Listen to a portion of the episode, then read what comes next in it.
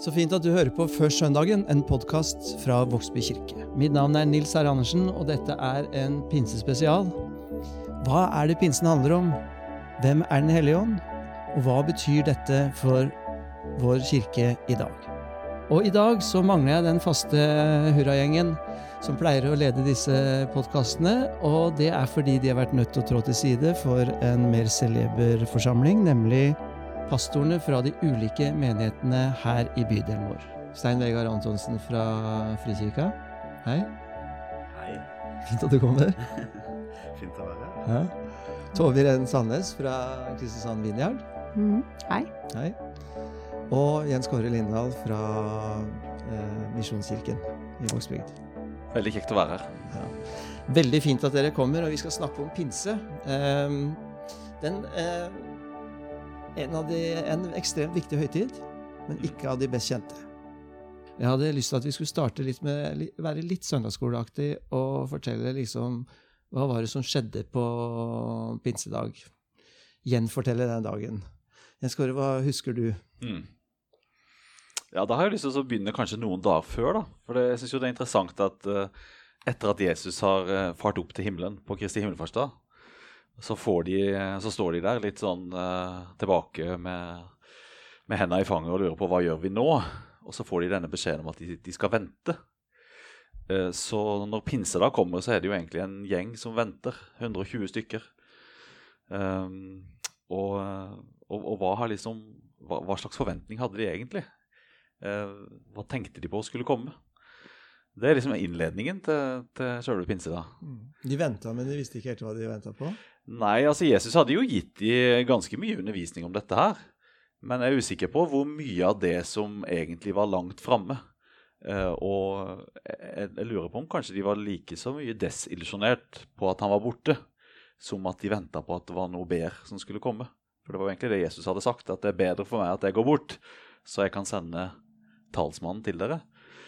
Men om de faktisk hadde det langt framme liksom, når de var samla der på øvre sal, det er jeg usikker på. Det er en som har sagt eh, sånn at den første menighet var ikke noe menighet, den var et bønnemøte. De, de er forsamla, de er i, i bønn, og de venter. Jeg tror kanskje det må ha vært litt sånn at man eh, Det å være på vei et sted. Noen har forklart deg veien. Grundig sagt. Se etter det, se etter det. Sånn som Jesus hadde undervist dem om. Men før du kommer der og faktisk opplever det, så faller ikke brikkene på plass. Så, og der er det gule huset. Det er sånn det så ut. Der er skiltet. og Ja, jeg tror det må ha vært litt sånn på veien fram. Uh, Satt de der, de fleste av de hadde ikke hatt noen erfaring. Maria, Jesu mor, var jo sammen med de. Hun hadde vært fylt av Den hellige ånd. Så hun visste kanskje litt hva hun venta på. Mm. Mm, Men de ber. Og så Så kommer pinsedagen, da. Ja, det er jo en kjempe Jeg tenker liksom eh, Fra å da ha vært stille ja, De har sikkert bedt, da, og, men det har vært relativt uh, stille. Sikkert. Jeg tipper at det var mye lyd de første dagene, liksom. Og så når det begynte å drøye ut litt, så ble det kanskje stillere og stillere. Og så kommer det et voldsomt vær fra himmelen. Det er det som står beskrevet. Det var jo voldsom lyd. Uh, det var mulig for folk utenfor det rommet å høre lyden. Og ild uh, så det iallfall ut som. Eh, håret brant nok ikke opp, det, men det var iallfall tunger av, av ild de så.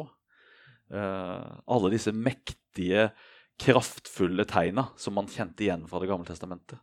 At nå er det Gud som er på ferde i en eller annen fasong. Ja, for dette er Det sier du nå, dette er kjente tegn eh, for de som kunne de gamle skriftene.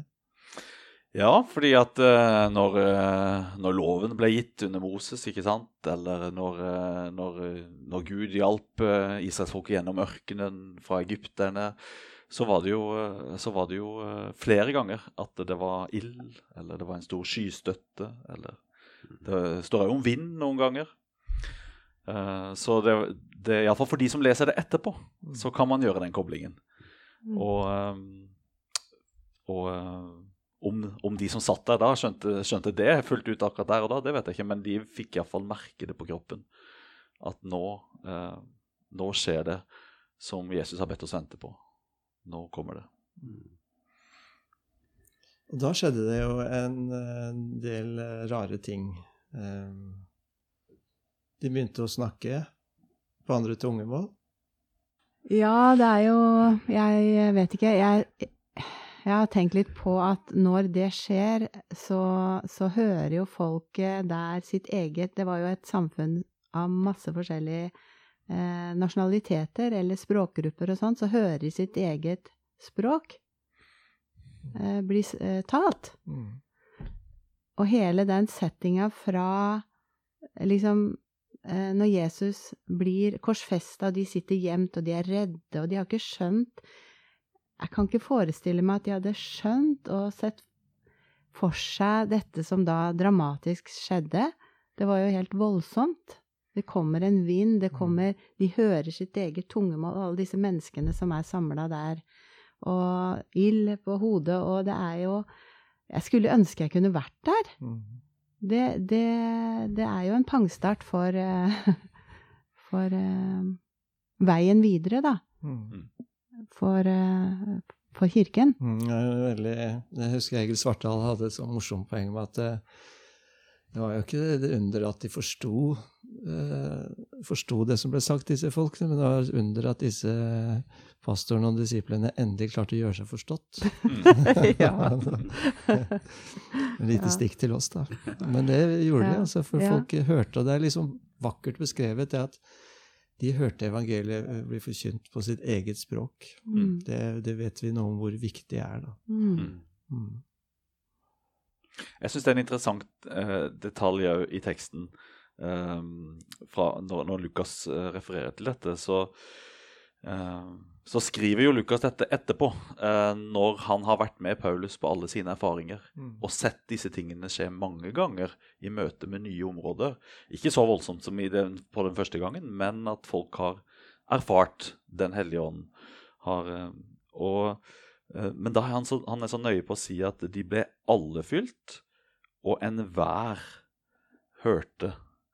Eh, Så det var tydelig at det var viktig for han å understreke at eh, det som skjer på pinsedag, det er ikke noe eksklusive greier for noen få, men det var for alle de som venta. Mm. Det var for alle de som hadde satt sin lit til Jesus. Um, og det, det er kanskje en sånn viktig ting å understreke fra, fra den dagen, tenker jeg. Når Peter etterpå holder en tale for Han må jo forklare at de ikke er fulle. Mm. For det beskylder jo folk dem for å være. ikke sant? Og, og da argumenterer vel Peter med at hallo, det, det er jo bare i den Hvilken time var det de var i? Det var, eh, han sier jo at dette er jo på morgenen, så Mm, klart folk er ikke fulle. Mm. Så skal, skal han egentlig fortelle hva som skjer, da. Men da setter han eh, vel i perspektiv eh, Dette burde jeg ha sjekka, men da henviser han vel til profetien i Joel, gjør han Mm. ikke det? Mm. Men det der at eh, jeg lar min ånd komme over alt kjød. Mm. Altså Der er det også det derre At ikke det er for noen spesielle. Mm. Og det er over eh, slaver og Mm. menn og kvinner og eh, Altså alle sosiale på en måte mm, båsene som finnes, da. Mm. Så det er, det er noe sånn Og det er også et perspektiv, men det trenger vi jo ikke å snakke eh, så veldig lenge om. Jeg syns det er litt sånn vakkert det at kvinnebevegelsen i Norge hadde inntil de overtok den amerikanske skikken med 8. mars som kvinnedagen, så var det pinsedagen som var kvinnedagen. Og det er jo, synes jeg gir et sånt perspektiv på hva folk har sett i denne dagen. At alle har fått ånden. Det gjør at alle er på en måte myndige i Guds rike. Har en stemme, har et kall, et oppgave. ikke sant? Så det grep de tak i da, Mm. og kjempa for kvinners rettigheter i pinseånden. da. Det visste jeg ikke. Nei, nei det, det visste jeg. Så, nei, men det syns jeg er litt fint å tenke på. Mm. Ja, er det noe å legge til rent sånn eh, Er det noe vi har glemt eh, om denne dagen? Har vi fått et bilde av den? Jeg, tenker det, det er spennende med den koblinga. Du har disse dedikerte 120 på salen som ber og venter, og Gud gjør noe med de. Og så er det alle de andre ute i byen der. Mm. På et eller annet tidspunkt så, så kommer de seg ut av salen. Så kommer de ut der, og så skjer dette her som, som, eh, som vi har tegna et bilde av her nå. Men, men at, at Gud har, har jobba med alle, både de og de der ute. Og at eh, Men at det er liksom et møtepunkt mellom eh, det det som har berørt livene til de der ute, det møtepunktet ligger i disse vitnene som kan tolke eh, for de hva som skjer. Altså, det som skjer nå, det, det er Gud. Mm. Gud er her. Og så knytter de an til det. Men jeg tenker det nettopp i det der med Det gamle testamentet, denne forventningen om at dette skal berøre alle mennesker. Alle skal få kjenne noe av Guds nærvær. Mm. Eh, Så har det skjedd. Og så blir menigheten en, på en måte en tolk for det. da. Det som skjer her nå, det er det som, som Det gamle testamentet forteller om. Nå skjer det. Mm. Og, og, og da, da på en måte så bygges den broa som er nødvendig for at de skal kunne komme inn i fellesskapet òg, inn i familien og inn i det som Gud gjør i tida. Jeg tenker bare på en liten detalj, eller en stor detalj egentlig, men jeg fascineres alltid av Peter i denne historien. Fordi han har jo virkelig vært igjennom berg-og-dal-banen eh, de siste dagene. Og, og en, noen enhver hadde jo gravd seg ned etter det som skjedde Mm. rett før påske eh, og inn i påska, og hans uh, ufattelige nedtur. Men da det å se eksemplifisert så tydelig at uh, den som Den hellige ånd kommer over, han får kraft til å være vitne. Det ser vi så tydelig i Peter. For han reiser seg plutselig klokka ni om morgenen liksom, eh, og foran alle disse og, og taler da med frimodighet. Og, og det er 3000 som, som på den dagen blir lagt til menigheten.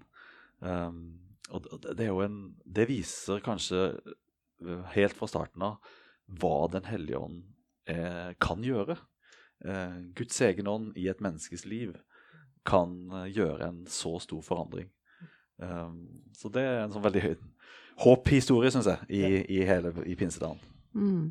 Ja, det er en håpshistorie, og så er det en veldig håpshistorie i fortsettelsen av det å tenke uh, Dette var en utsatt liten gruppe med mennesker som uh, etter dette opplevde sterke forfølgelser, egentlig i, i 300 år. Mm. Um, I et uh, regime som var svært og brutalt. Og når forskerne graver i hvor mange kristne det egentlig var eh, rundt Pauletid og rundt 100, så er det så er det oppsiktsvekkende få. Ikke sant? Um, men så uh, sier det jo noe at denne bevegelsen uh, altså vant verden. Mm. Så til de grader. Med de dårlige korta de hadde. Det syns jeg er oppbyggelig å tenke på. Det leder meg til liksom det neste spørsmålet. Nå har vi jo historien om, om pinsedag, men hva, hva betyr det for Kirken i dag, eller for oss i dag, um, annet enn at det er en fin historisk hendelse. Mm. Eh, dere er jo pastor i ulike menigheter. Hva syns du den dagen eh, Hva gir den deg av identitet og, og følelse som pastor, Jens Kåre? Den fyller meg med en enorm takknemlighet. For jeg tenker den endrer jo, jo alt. Vi hadde jo ikke vært her hvis ikke det var for den dagen. Ingen pinsedag, ingen kirke. Eh, vi hadde ikke vært en kirke heller. For nettopp de der tinga du, du peker på, at de hadde alle odds mot seg. Så hvordan skulle den stafettpinnen nå fram til oss her? Og vi har jo vært i den situasjonen at vi har etablert en ny kirke for ikke så mange år siden, i Vågsby misjonskirke. Det hadde vært helt umulig hvis ikke det hadde vært en større kraft enn de 120 som var der fra starten av. Som leda de, og som hjalp de, og som styrka de. Um, så, um, så den dagen både fyller meg med takknemlighet for alle de som har gått veien før, og som gjør at vi kan være kirke i dag. Og så fyller den meg med, med tro på framtida. At vi må kunne være med og gi noe videre, uavhengig av hvor uh, dyktige vi måtte være eller ei. Fordi vi har den samme ånden. Mm. Hva tenker du, Tove? Altså, uten Den hellige ånd, så Så vil det være litt som om øh, å drive Du driver med noe, f.eks. idrett eller samle på frimerker. Du har kunnskapen om læren, men du har ikke livet. Så Den hellige ånd bringer livet. Istedenfor at det var én Jesus som gikk omkring og fikk begrensa tilgang, på en måte, så har det blitt mange Jesuser inn i hvert enkelt menneske som tror. Og det er jo en enorm konsekvens. Og jeg tenker når vi kommer sammen, så har vi Den hellige ånd i oss, eh, som eh, virker, som taler, som eh, viser oss hvem Jesus er, hjelper oss å forstå hvem Gud er, åpner ordet når vi leser, sånn at vi, det blir liv. Så det er liksom Ja. Det gir meg den følelsen Jeg drev med idrett før jeg, Gud møtte meg. Og når eh, han reddet deg. Ja, han reddet meg. Og da, da var min respons til det Hvorfor er det ingen som har fortalt meg at Jesus lever? Hvorfor er det ingen som har sagt det? Jeg trodde det var som å samle på frimerker. Det gjorde jeg. Det, jeg trodde det var som å drive med idrett. En interesse. Men det er ikke det vi driver med. Det er liv. Og det er Den hellige ånd som gjør. Så det er alt, det. Eh, Stein Vegard, du er lutheraner som meg. Eh, Vi hadde vel holdt koken godt uten Uten Helligånd? Eller, eller? Nei, det, det, det jeg, tror, ikke egentlig det. Eh, Og, jeg tenker at det som er, er spennende den, Vi har jo kirkeåret, vi, er, vi to, Nils Terje. Vi passer jo på å vedlikeholde kirkeårshjulet i noen grad. Og da har vi jo tidene våre. Vi har, eh, vi har jula, vi har påsketida, vi har søndagen etter påske osv. Og, og før så het jo den tida som vi snart går inn i nå etter, den het tiden etter pinse. Nå har den fått eh, navnet treenighetstiden. Jeg syns det er litt mer eh, blodfattig. Jeg savner egentlig tiden etter pinse. For jeg tenker at eh, mens eh, kirkeårshjulet er, er sirkulært, altså vi feirer og påminnes om hva Jesus har gjort for oss, og hva Gud har gjort i, i historien, så er tiden etter pinse det er liksom det kapitlet som kirken siden pinsedag har levd i Mm. og vært helt uh, avhengig av å være i, altså tiden etter at uh, Gud har sendt sin ånd. Og man merker på en måte den der lengselen Jesus har etter at dette skal skje. Han lengter etter at uh, han skal få sende sin ånd, og at han skal komme til oss. Eh, Dette nærværet som du snakker om, denne salvelsen som siden har fulgt kirka, og som vi er helt avhengige av nå. Og jeg tenker at, eh, at det er fint å bli påminnet om det i kirkeåret vårt, at det er dette her dynamisk. Altså, du har noe av det der eh, Du har ånden som pant. Er du en kristen og bekjenner Jesus som herre, så, så tenker vi at da er det Den hellige ånd som gjør det. Og så kan det fort bli litt sånn statisk. Men så kommer pinsa og påminner oss om det dynamiske. Det er om å la seg fylle på nytt og på nytt av Den hellige ånd. Mm. Uh, så og, jeg- Ja, nå jeg er liksom frista til å snakke i vei her, men det at uh, i sommer så skulle Oase De blir jo 40 år. Uh, som har vært en fornyelsesbevegelse i Den norske kirke og i luthersk eh, kristendom i Norge og egentlig utover og der. Og jeg tenker kanskje er det liksom sånne ting man kan se i historien, at Gud stadig har påminnet oss om det. Vi trenger denne oasen. Vi trenger denne påfyllet av Den hellige ånd også. Ikke bare som det statiske, men som det dynamiske. Og at karismatikk ikke ligger i å være veldig sånn i, i stilen, men at det ligger i det der å ta imot gaven fra Gud hele tiden. Som Mm. Jesus gjorde alt for å kunne sende til oss. Mm. Så, Ja, det er et viktig perspektiv, og det har dere vært inne på alle sammen. Eh, Så hva Kirken ville ha vært uten Helligånd, det er på en måte et sånn hypotetisk spørsmål, for det sier at vi hadde ikke hatt noen kirke. Men likevel så vil jeg vel tro at vi hadde hatt en bitte liten obskur bevegelse, en sånn museumsbevegelse, for Jesus er en historisk person og har etterlatt seg historiske spor. Og de ville trofast tatt vare på det han sa, og alle sånne ting, som om det var ting du fant i et museum. Mm. Og kirken er så noe helt annerledes enn det. Eh, Vi lever ikke ved å se oss bare bakover. Og heller ikke bare ved å se framover, eh, men vi lever i åndens tid. Mm.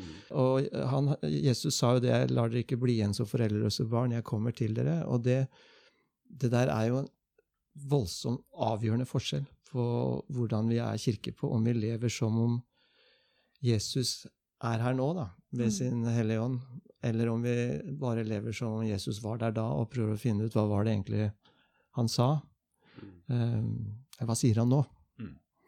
Det er en stor forskjell på. Men jeg tipper vi hadde hatt en bitte liten, kanskje amerikansk museumsbevegelse som tok vare på alt det Jesus hadde sagt. Med deg som museumsdirektør, Ja, da, ja, ja, ja, jeg skulle eh, vært museumsdirektør. Mm. Det hadde i hvert fall vært en lutheraner. Eh, Men da har vi jo snakka litt om eh, nærværet også. Har dere, Nå må dere være ærlige her, pastorer. Opplever dere nærvær av, av Ånden? Begynn med deg, Jens Kåre. Du sitter så laglig til. ja. ja, det vil jeg absolutt si. Eh, og så er eh, er det ganske mangfoldig. Eh, det, har det, vært, det har jo vært forskjellig i ulike perioder av livet. Eh, hvor, eh, hvor, det har kommet til uttrykk på litt forskjellige måter. Eh, men kanskje der jeg merker ånden mest nå, det er i inspirasjonen og veiledningen når jeg skal forkynne, og når jeg sitter med Guds ord. Eh, da merker jeg det. Merker at han, han, han, bringer ting fram i tankene mine, i sinnet mitt. Um, men òg så, så, erfarer jeg han i møte med andres behov. Uh, og hvor jeg kanskje blir bedt om å be for, eller uh, og, og det dukker opp ting som jeg skjønner at dette er noe som ligger på Jesus sitt hjerte. Og da har, jeg, da har jeg, blitt vant til å gjenkjenne at det er Den hellige ånd um, som, som, er der. Han, han, bringer inn noen tanker, han bringer inn uh, noen, noen, perspektiver, kanskje, noe veiledning. Og så har jeg på enkelte tidspunkt uh, opplevd han helt uh, sånn fysisk. Um, og, og, hvor det var helt sånn påtagelig.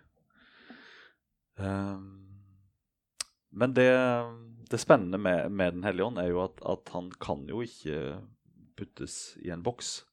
Men det er veldig ikke en flaske heller? Nei, ikke en flaske heller. Men det er veldig tydelig hva som er hans agenda, og det er jo å fortsette å gjøre det som Jesus gjorde som når han var her. Så jeg tenker på en måte så er det ganske lett å gjenkjenne han, for det er bare å speile han i historiene om Jesus. Um, og da vet vi jo veldig fort hva som ikke er Den hellige ånd, hvis ikke det ligner på noe av det Jesus gjorde. Mm. Kan det være litt grunn til at det er i mange kristne miljøer eh, litt lite fokus på ånden? Fordi ånden er litt sånn dårlig til å bringe fokus på seg selv. Altså, du ser jo, peker på Jesus. ikke sant? Du, du, kan kjenne igjen at ånden er der når Jesus blir levende. et eller annet sånn. Mm. Um, ja, det kan godt hende. Og jeg tror nok at dette kommer litt an på hvilken sammenheng du er i. Mm. Er du, har du vokst opp i en pinsemenighet, så har du hørt mye om Den hellige ånd. Mens jeg husker når jeg vokste opp eh, i en evangelisk frikirke, så hadde jeg jo erfart ånden helt garantert eh, mange ganger. Men det, vi hadde ikke et språk for det. Vi snakka om, uh, om, Jesus, og vi snakka om, om at folk ble minna på ting, eller det ble så godt for meg, husker jeg de gamle sa. Mm. Og det var jo selvfølgelig Den hellige ånd, det, som brakte fram noen sånne erfaringer. Um, men, men, jeg tror jo at det er veldig viktig med den koblingen. Jeg sier alltid til mine konfirmanter at er, hvem er Den hellige ånd? Jo, det er Jesus her og nå, uten kropp. Bare for å tydeliggjøre at, at det, han har ingen egen agenda.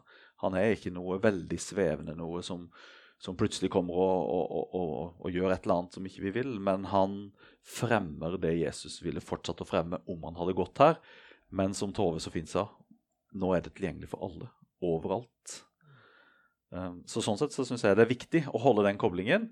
Men det er likevel viktig å ikke bli der i museet. da, at, uh, at, vi bare tenker på Jesus som noe som var. Men han er her akkurat nå. Når han sa 'Jeg vil være med dere alle dager', hva mente han da? Han mente Den hellige ånd. Det er Den hellige ånd som er her hver eneste dag, men det er det samme som om Jesus sjøl var her. Tove, åssen er det på trekanten? Er, er, merker dere noe til ånden der borte? I rundkjøringa? det er alle de som svinger feil. Nei, men uh, Ja, er, det er jo en bevissthet Vi snakker jo mye om Altså, det er en naturlig del hos oss. Vi snakker om Jesus, at Jesus er her ved sin ånd. Og vi kan si 'Kom, Hellige Ånd'. Vi inviterer til forbønn. Det er jo ikke eh, vi, vi, snakker en del om å høre Guds stemme og lytte til hva han sier, og det vil jo alltid være i tråd med sitt, hans ord og det Jesus stå, sto for og står for. Uh, at ikke det er noen sånne sprø ting. Vi er jo ikke noe sånn uh, Hva skal jeg si Hæla i taket og sånn type forsamling, vi. Vi er helt mm, Dere har jo kaffepause midt i gudstjenesten. Har, har dere Jo, fortsatt? ja, ja, vi har det, men ikke akkurat nå i korona. Nei, selvfølgelig ikke. men vi, vi har det. Det syns jeg er jordnært. Mm. Ja. For vi tror at Den hellige ånd er der selv om vi drikker kaffe. Ja. Det gjør vi jo. Det er liksom Den hellige ånd Vi tenker jo at det er han som bringer liv, da.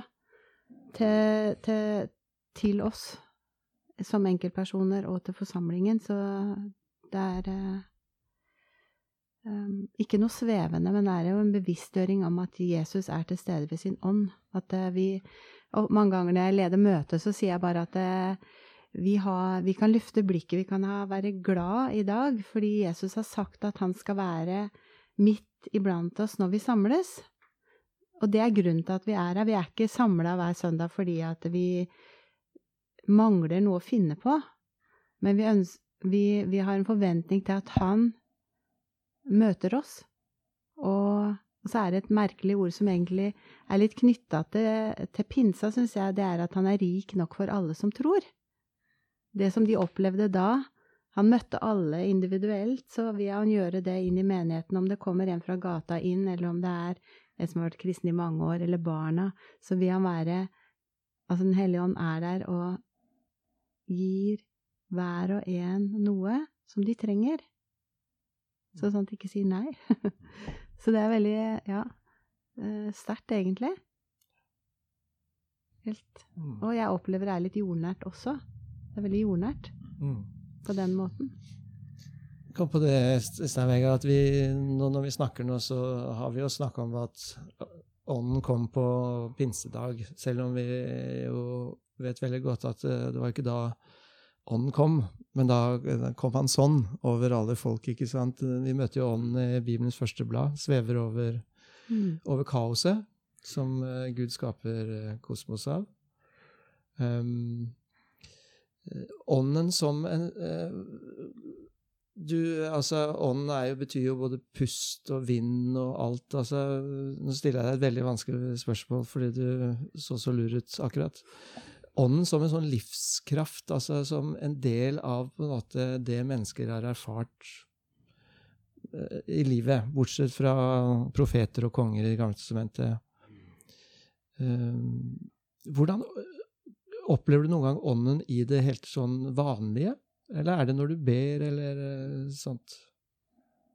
Jeg tror kanskje Jeg vil, vil si at det er, det, er mest i det vanlige, egentlig.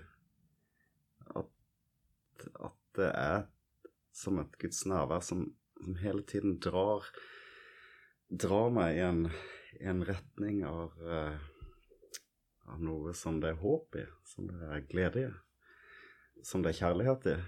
Um, jeg vet ikke Det hørtes svevende ut, men, men på en måte det der å Nå er vi jo for, forskjellige eh, liksom av personlighet eh, alle sammen, og, og, og jeg er jo et sånt følelsesmenneske, egentlig. Og da å være i min kirkelige kontekst eh, og det som kanskje har vært litt sånn fremmedgjørende i forhold til dette med Den hellige ånd, at vi, ja, det er jo nettopp det der med at vi skal ikke det skal ikke handle om følelser, det skal være det objektive, det skal være det vi vet, osv. Så videre, sånn.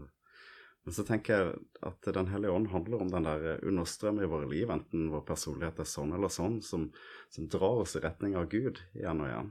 Som drar oss i nærvær, nærheten av Jesus, som, som, som får oss til å si unnskyld til barna hvis en har uh, vært uh, for uh, for streng i morgenkaoset, uh, eksempel. Eller som en god venn av meg sa det, at han merker alltid at Den hellige ånd var i, liksom i sving i livet hans når han begynte å rydde i huset, for det satte kona så pris på. så, så, da han, gjenkjente han Gud på det, da. At det forandra hans uh, liksom Fra å være det han hadde tilbøyelighet til å være, til å bli en bedre utgave av seg sjøl. Bli mer seg sjøl, egentlig. Den som var så oppmerksom på andres behov, og som, som så etter både gjenkjente Gud i andres ansikt og, og, og, prøvde å møte andre med kjærlighet. Uh, dette var et håpløst svar, egentlig. Du er god, ja. Veldig bra. Mm. Jeg kunne gjerne tenke meg å supplere på det, for der tror jeg vi har en slagside som kanskje kommer fra, fra vekkelsestradisjonen. Eller kan ha en slagside. Det er at vi, at vi for lite gjenkjenner eh, Den hellige ånd òg i mer de her skapelseselementene og i, i hverdagen. Eh, og da, da, har Jesus vært en nyttig korreksjon for meg igjen.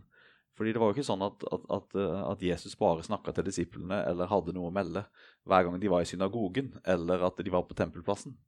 Men det var jo hele livet. Det var jo på en fisketur, det var jo uh, midt i stormen, ikke sant. Det var på markedet, det var ute på åkeren. Um, og, og der, kan jeg, der, der kan jeg ennå uh, ta meg i at Selvfølgelig så tenker jeg at Den hellige ånd, han er Når vi kommer sammen, så har Jesus gitt et ekstra løfte om at han er nær når to eller tre er samla. Og, og, Paulus sier noe om at når dere kommer sammen, så har dere noe å bringe inn, fordi Den hellige ånd bringer det inn fra den enkelte. Men at han òg, nettopp som Stenne Vegard beskriver her, eh, virker i det daglige. Og, og et av kjennetegnene på ånden er jo frukter. Og disse fruktene er jo mellommenneskelige, eh, relasjonelle frukter. Mm. Eh, så det er jo noe jeg har blitt mer bevisst på kanskje når jeg ble pappa sjøl. etter hvert fått tenåringsbarn så kjenner jeg jo at jeg trenger den der eh, ekstra kjærligheten. Den eh, selv, selvbeherskelsen og alle disse tingene som beskriver at Den hellige ånd kan virke fram, når det egentlig er noe helt annet som har lyst til å komme fram i meg. Og, og det, der har jeg kjent flere ganger jeg måtte ha tatt en timeout. Jeg vet at jeg må gå inn i en litt tøff samtale, og så må jeg ta en timeout og så må jeg si Kjære Jesus, nå må du hjelpe meg. Mm. Og da tenker jeg at da inviterer jeg Den hellige ånd til å hjelpe meg til å bringe fram noe annet enn det som mm. kunne kommet fram mm. av det som egentlig trigges i den situasjonen.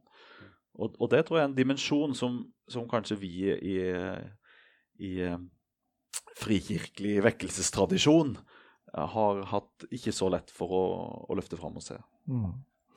Det du sier, er jo at ånden vil det samme som Eller det jeg opplever du sier vil, Dere bruker det gjenkjenne hele tiden. Han vil, eh, ånden vil det samme som Faderen, og Sønnen vil det. Mm. Og det er jo å skape denne jorden, å skape oss mennesker og forme oss mennesker til å leve et, eh, et liv skapt av Han. Mm. Og derfor så er åndens frukt kjærlighet, glede, fred og umbærenhet egentlig ganske jordnære egenskaper som mm. er du kan nesten, Noen ganger kan det nesten bli litt kjedelig. Eh, skjønner du hva jeg mener? Nå, nå, viser jeg sånne gåsetegn med hendene her, fordi at eh, Ja, men var det bare det? Ja, det er Det er ikke bare bare. Det å leve, det å elske sin neste, er, det er liksom Guds under mm. når det skjer. Eh, men samtidig så er det noe veldig velkjent. Mm. Det var det han skapte oss til. Så den ånden som svevde over skapelsen, den er nær oss nå og vil det samme. Gjøre oss hele Eh, gjøre de vi møter, hele. Eh, eh, ja, fortsette å skape Guds jord, da, eh, så at vi skal leve med hverandre. Men så er det noe mer spektakulært med ånden. Mm. Måte, en, Heldigvis. En, en det, sånn at, da er vi tilbake til den der opplevelsen der ikke sant? Det, det buldrer og braker, og det er mm. storm, ikke sant? Og, og, med kraftige gjerninger og med under og sånne ting. Men det er utrolig viktig at det der holdes sammen i det ene liksom Guds mål, skapermål for vår verden. Mm. Syns jeg. Eh, vi kan ikke, altså Fire pastorer som skal prate sammen, det kan gå mange timer. Eh, sånt, men nå har jeg egentlig utfordret til å Det er én ting jeg har bedt dere tenke på forhånd. da. Eh, det er om dere har et favoritt-pinsebibelvers. Og da får dere ikke lov til å lese en hel eh, en hel side. men Dere kan jo si litt om konteksten til den. Men hva, Stein Vega, hva er ditt liksom, pinsebibelvers som du leser eh, på pinseaften før du skal legge deg? Ja, om jeg leser det sånn systematisk på pinseaften, er jeg ikke sikker på. Men, for alle barna dine? For alle barna. Nei, men uh, dette ordet her, som Paulus skriver til sin venn medarbeider Timoteus, det liker jeg godt. Han skriver For Gud ga oss ikke en ånd som gjør motløs. Vi fikk ånden som gir kraft, kjærlighet og visdom. Jeg tenker at, eh, at det er et eh, ord som taler til meg om hva, hva pinse og hva dette nærværet av Gud betyr, og hvordan det på en måte kommer helt konkret inn i liksom den der dobbeltheten i meg sjøl. Altså, eller den der tendensen til motløshet eller ting som vet ikke, gjør meg veldig nærsynt for, for det store bildet. Og så har du kontrasten i kraft og kjærlighet og syndighet. Sånn at det, tenker jeg, det, kommer jeg stadig tilbake til, og takke Gud for at det liksom er noe sånn vedvarende som jeg kan få lov til altså, å åpne meg for på nytt og på nytt. Og jeg tror bare det å komme på og be om det I dag trenger jeg din ånd, jeg trenger krafts- og kjærlighets- og sindighetsånd. Jeg tror nesten det er Den hellige ånd som driver fram den bønnen i mitt liv. Uh, det er sikkert derfor Paulus òg skriver til Timoteus at la det flamme opp på nytt. La det flamme opp på nytt. Det som er i det. La det liksom Pust på de glørne der. Ja. Så det er kanskje mitt vers. Du og Tove? Ja, når jeg tenkte på det, så var det apostlenes gjerninger 2-4. Og er, da ble de alle fylt av Den hellige ånd, og de begynte å tale i andre tungemål ettersom ånden ga dem å forkynne. Så det, ja, syns jeg er veldig sterkt. De ble alle fylt. Det er for alle. Mm. Alle som vil. Så vi en, kan vi ha en personlig læremester med oss hele tida, som som gir oss det vi trenger. Jeg tenkte på at uh, Den hellige ånd eh, For noen år siden så, så hadde jeg en opplevelse at jeg på en formiddag begynte å tenke på at jeg skulle kjøpe en brudebukett til ei som jeg kjenner. Jeg tenkte hvorfor skal jeg gjøre det? Det var jo veldig spesielt. Skulle hun gifte seg? Nei, hun skulle ikke gifte seg. Uh, og jeg fikk ikke fred for det, så det gjorde jeg. Jeg dro til en blomsterbutikk og fikk de til å lage en lekker bukett. Og så dro jeg på døra hennes med denne buketten. Og når hun åpna døra, så, så, si, så ble jeg helt overraska. Så sier jeg her er en Jeg, min, jeg følte at det, Gud har minna meg om å kjøpe, la, kjøpe, gi deg en brudebukett. Og hun bare falt sammen i gråt, fordi det var akkurat skjedd et brudd med mannen. Og det var en sånn oppmuntring fra Jesus til henne. Så det er en sånn konkret opplevelse av hvordan Den hellige ånd kan gi oss tanker. Og jeg har opplevd det mange ganger at jeg har fått tanker som jeg ikke har gått på. Og så seinere på dagen eller seinere i uka så, så, får jeg bekreftelse på at det skulle jeg faktisk ha gjort, men jeg gjorde det ikke. Så den, det er jo en spennende samarbeid med han, da. Mm. At han vil si noe til oss. Mm. Ja. Det er for alle. Mm. Konspirasjon. Konspirere, blåse med. Mm. Det er noen måneder. Mm. Samarbeid. Jens Kåre? Ja. Det, med en gang du ga den utfordringen, så tenkte jeg oi, det blir vanskelig, liksom, for der er jo så mange fine. Men faktisk, eh, når jeg begynte å tenke litt mer på det, så, så, var det Johannes 14 som ble veldig tydelig. Og du har faktisk sitert dette verset flere ganger, så nå vet jo ikke jeg om jeg tar ditt, da. Men det var dette fra Johannes 14 eh, Det er for alle. 18. Det er for alle, det er veldig bra. Jeg lar dere ikke bli igjen som foreldreløse barn. Søren. Jeg kommer til det. ja, det er nydelig. Ja, si litt. Nei, for dette, dette, viser bare det enorme hjertet eh, som Gud har, mm. og som var eksemplifisert i Jesus, og som nå for alvor, liksom Det er som om alle filtre opphever. Jeg tenker jo på påska og forhenget som revner i tempelet. Og selv om vi kan ikke si at liksom, Gud fysisk bodde der, så var det iallfall Det var liksom så nært du kom det, det, det, på en måte fysiske nærværet av Gud. Det var det aller helligste i tempelet. Og nå ble det tilgjengelig for alle. Og det er jo liksom det Jesus sier her òg, at jeg skal ikke la dere bli igjen. Selv om jeg reiser, så er det, så er det fordi at jeg skal komme og være nær dere alle sammen hver eneste dag. Uh, nå skulle vi bare ha ett vers, da, men det står jo masse ellers i det kapitlet om hvordan det ser ut. Og I vers 26 så står det at, uh, at denne ånden han skal fortsette å minne dere om alt det som Jesus har sagt, og lede dere. Og Igjen så ser jeg denne hyrden, da. Denne Jesus som de kunne snakke med, som kunne gi dem all veiledningen, som kunne oppmuntre dem, og som kunne ta tak i Peter av og til irettesette han litt òg, men, men liksom som var så tett på. Han er her fortsatt. Han er med meg, og er det noe jeg trenger som pastor, så er det nærværende Jesus i mitt liv, og det er Den hellige ånd. Og Derfor så er dette mitt uh, et av mine pinseverser. Mm, det syns jeg var et veldig fint vers. Mm. Jeg hadde tenkt å si det. Jeg har et annet, ja. det er uh, fra Johannes, det òg. Og Det er jo egentlig fra påskedag, fordi Jesus uh, kommer inn gjennom stengte dører, og så sier han så gjør han noe fantastisk. Han ånder på dem, blåser på dem, og sier 'ta imot Den hellige ånd'. Mm. Og det jeg syns er så fint med det, er selvfølgelig settingen. altså Jeg er glad for å se han igjen, men da puster han livet inn i dem. Mm. Så tenker jeg på skapelsen av mennesket, hvor Gud gjør dette. Han blåser livsånden inn, og det blir levende. Mm. Og nå gjør han det igjen. Og reiser mennesket opp igjen til eh, en ny menneskehet, et, et nytt folk. Um, ja, det liker jeg veldig godt. Og så Andre grunnen til at jeg tok det, det er fordi jeg har lyst til å lande denne praten i det som jo er dette årets pinsedags prekentekst, i hvert fall når man følger kirkeårets rekker. Og det er jo denne teksten fra, fra påsken, den som vi leser på pinsen. For det er jo Johannes sin måte å fortelle om åndsmeddelelsen. Johannes skriver jo litt annerledes enn Lukas og de andre evangelistene. Han skriver det seinere, og skriver det med et sånn perspektiv at han vil eh, fortelle dette for at dere skal tro. Han er liksom teologen, da. Blir ofte symbolisert med ørn, ikke sant, for har overblikket. Og han forteller dette, som jeg skal lese nå.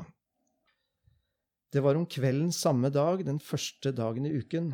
Av frykt for jødene hadde disiplene stengt dørene der de var samlet. Da kom Jesus. Han sto midt iblant dem og sa, Fred være med dere. Og da han hadde sagt dette, viste han dem sine hender og sin side. Disiplene ble glade da de så Herren. Igjen sa han til dem, Fred være med dere. Som Far har sendt meg, sender jeg dere. Så åndet han på dem og sa, Ta imot Den hellige ånd. Dersom dere tilgir noen syndene deres, da er de tilgitt. Dersom dere fastholder syndene for noen, er de fastholdt. Skal vi lese på pinsedag? Noen få linjer om det til slutt, eh, folkens. Hva er, det du, hva er det som treffer deg i den teksten, Stein Vegard? Nei, eh, jeg tenker den er jo nesten de 50 dagene komprimert ned, holdt jeg Ja. på å si. Du har dette med oppstandelsen. Her er sårene mine. Og så eh, fylden av Eller hans pust. Og jeg tenker på en kar som dere er glad i her i kirka, eh, Peter Haldorf. Han kommer stadig tilbake til eh, en russisk munk som het eh, Serafim. Eh, Serafim av Sarov. Eh, som eh, opplevde Guds kall til et liv i, i nærhet av, av Gud. Da. Og etter hvert blir en sånn starets, som man kaller det der borte. En, russ, en gjennomlyst far.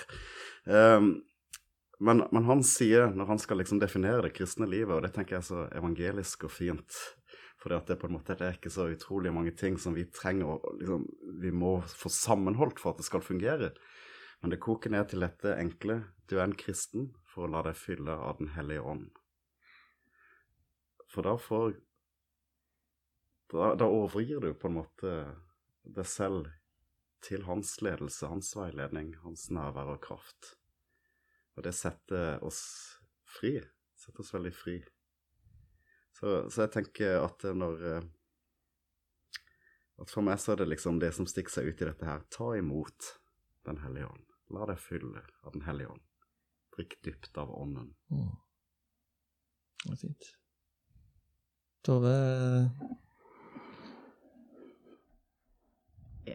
Jeg syns det er veldig sterkt å se at disiplene, de er redde, de er, de er samla på den måten, og så kommer Jesus, og så bare gjør han det veldig enkelt. Han sier 'fred gir jeg dere', og så gir han dem den, det oppdraget. Eh, Og så utruster han dem til det som skal skje videre. Så han er veldig eh, Altså ja, han var jo Jesus, og han visste jo hva han gjorde. Men det er veldig han, Akkurat som han forstår de. Han skjønner at de er engstelige, og så kommer han og gir de sin fred. Puster på de, og så ta imot Den hellige ånd. Det er oppdraget. Og så eh, Det er liksom Ja Signeringa, eller hva jeg skal mm. si. mm. Skåre, er du Nei, det er mye fint som jeg allerede har sagt her, og jeg kunne sagt uh, mitt ammen til det. Men, uh, men jeg syns det er interessant å se at det er viktig for, for Johannes å få med alle personene i guddommen. Mm. At det er far som har sendt Jesus, og nå sender han oss. og vi sendes med Den hellige ånd. Uh, og at det her er ikke noen motsetning mellom disse tre, men alle disse er med og, og fremmer det som Gud vil, og fremmer hans vilje gjennom oss. Eh, og så, så er det, tenker jeg at, at dette med fred er veldig kobla opp mot et kjennetegn på Den hellige ånds nærvær. Um, fordi hvis man ikke har fred, det kjenner jeg i hvert fall veldig godt til i mitt eget liv, så inn i situasjoner så blir man krampaktig, man blir stressa, man, uh, man er ikke seg sjøl. Uh, og, og, jeg tenker liksom den gedigne oppgaven som lå foran disse her, var det noe de trengte, så var det fred. Midt uavhengig av omstendigheter. Uh, er det noe jeg har trengt i denne koronatida, så er det fred. Og ikke la meg stresse at ikke omstendighetene er sånn som de ellers skjer. Mm. Er det noe jeg trenger som tenåringspappa, så er det fred. og det at det så tett kobles i denne teksten.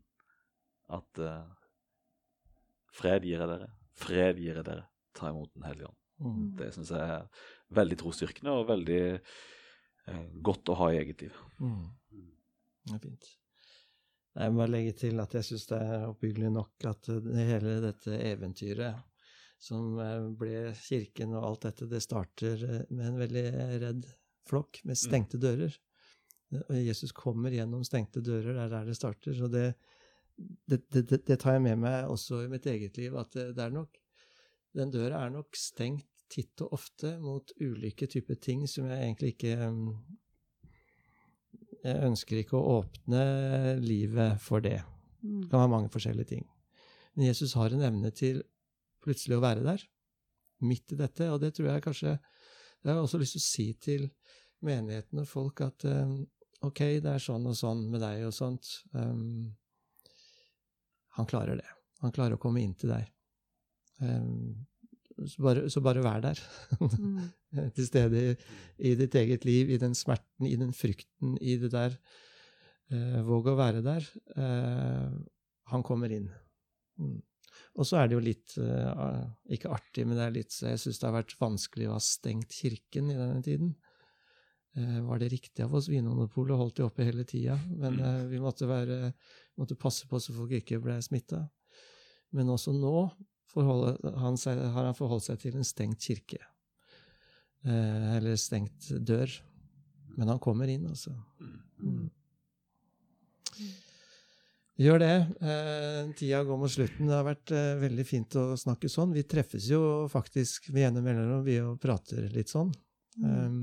Um, skal dere ha pinsegudstjeneste, Stein Vegard? Vi skal ha pinsegudstjeneste, ja. ja. Søndag klokka elleve? Søndag klokka elleve. Ja. ja. Og dere, Tove? Ja, det skal vi. Søndag klokka fem. Så klokka fem? Mm -hmm. Jens Kåre? Vi utsetter det til, først, nei, til andre pinse da, og skal være sammen med Frikirka. Ja, for dere har en kveldsgreie da? Noe vi kaller for påfyll. Ja, klokka? Uh, kvart over syv eh, er det liksom åpnes dørene. Ja. På mandagen. På mandag. Mm. Og vi må jo registrere nå, som de fleste ja. må. Så, men vi har uh, to saler, så vi kan ta Øvre sal og nedre sal? Øvre sal og nedre sal. på selve i pinsa. Det er fint. På pinsa, det blir tøft. Det kommer til å bli bråk oppe. Ja, helt topp. Nei, vi skal ha drive-in-gudstjeneste nå. Vi har jo begynt å ha det inne. Vi hadde gudstjenester inne nå forrige søndag, men nå pinsedag markerer vi med en drive-in-gudstjeneste. Mm. Så det er fint. Ja, da må jo også Jesus komme inn gjennom stengte bildører. Det, det går bra. Takk skal du ha, og takk for dere som uh, fulgte oss. Uh, god pinse, alle sammen. Takk for at du kom.